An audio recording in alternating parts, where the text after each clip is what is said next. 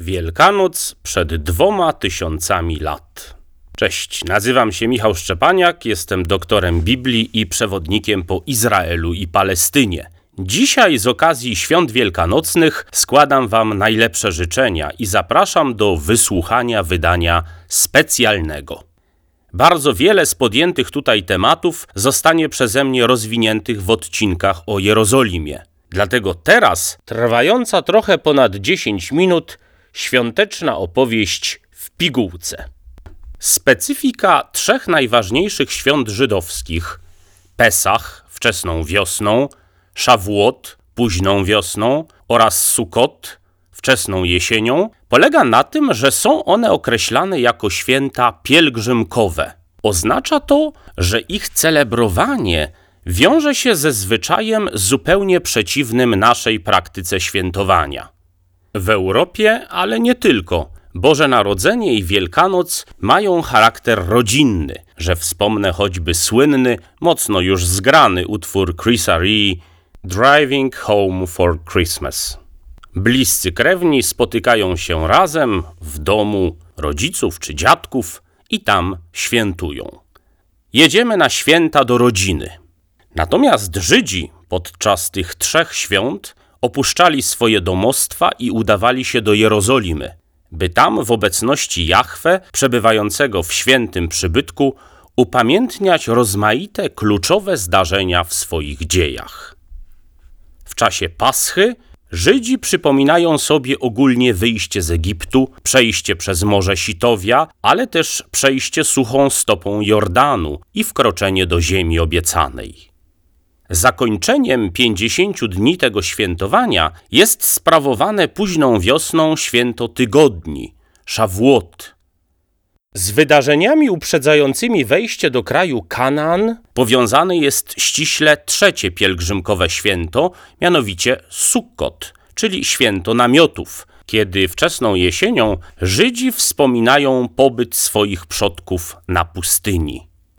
Właśnie w trakcie obchodów Sukkot do dzisiaj stawia się szałasy, prowizoryczne schronienia przywołujące na myśl namioty pradawnych hebrajskich wędrowców przez pustynne piaski. Zgodnie z ustawodawstwem pięcioksięgu istnieje pewien ciekawy zwyczaj podczas Sukkot, czyli święta namiotów lub szałasów. Jest nim tworzenie lulawu, czyli bukietu składającego się z bezzapachowej gałęzi palmy daktylowej, dwóch witek wierzby, trzech gałązek mirtu oraz cytronu, owocu bardzo przypominającego cytrynę, ale o chropowatej skórce, który w tradycji żydowskiej uważany jest za ów zakazany owoc spożyty przez Adama i Ewę. Nie jabłko, jak to się zwykło wyobrażać. Owe lulawy, czy inaczej ogólnie palmy, pojawiają się w Ewangeliach przy okazji wjazdu Jezusa do Jerozolimy. Osiołek pochodził gdzieś z zagrody na Górze Oliwnej w miejscowości Betfage, wedle tradycji chrześcijańskiej, a ludźmi, którzy witali Jezusa i składali mu hołd, byli mieszkańcy Galilei, którzy przybyli, jak można zakładać, na święto namiotów do Jerozolimy. Zatem tłum wiwatujący podczas wjazdu na ośle składał się z Galilejczyków, którzy podkreślali, że dumni są ze swojego ziomka rodem z Nazaretu. Natomiast tłum, który skazał Jezusa na śmierć, formowali Judejczycy, w dużej mierze mieszkańcy Jerozolimy. Istnieją poważni uczeni, którzy uważają, że sąd nad Jezusem, jego męka i śmierć miały miejsce właśnie podczas święta namiotów, a nie podczas święta Paschy. Przyjmują, że autorzy Ewangelii przenieśli opis pasji na wczesnowiosenną uroczystość Paschy, by teologicznie lepiej zinterpretować sens tego fundamentalnego dla chrześcijaństwa wydarzenia. Wydaje się również, że motyw osła mocno splótł się z męką Jezusa, na jednym z pierwszych wyobrażeń krzyża, tak zwanym krzyżu szyderczym, wykonanym na ścianie jednego z rzymskich pałaców Nerona, przedstawiono ukrzyżowanego mężczyznę z głową osła, do którego zbliża się postać oddająca mu hołd. Grecki napis pod tym krzyżem brzmi Alexamenos czci swojego Boga. Istnieje hipoteza, że to graffiti powstało już za panowania cesarza Nerona w I wieku naszej ery, choć zakłada się też dużo późniejsze pochodzenie owego szyderczego krzyża.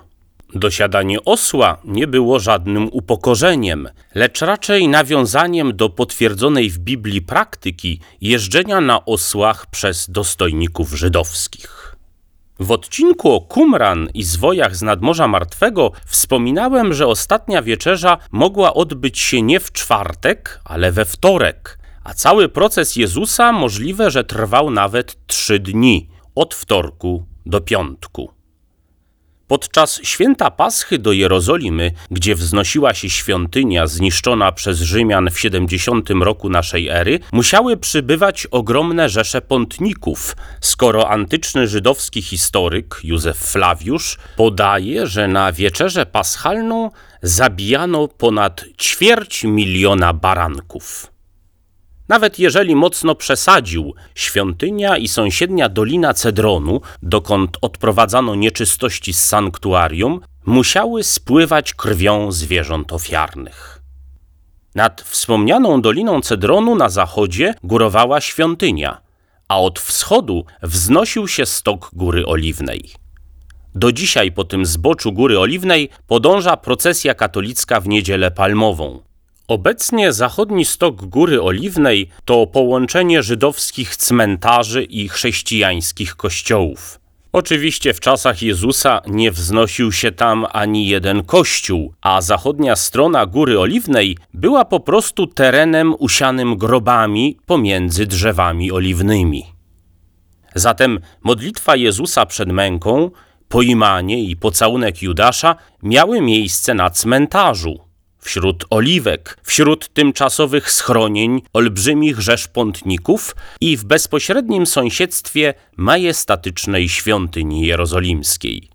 W powietrzu unosił się zapach zwierzęcej juchy.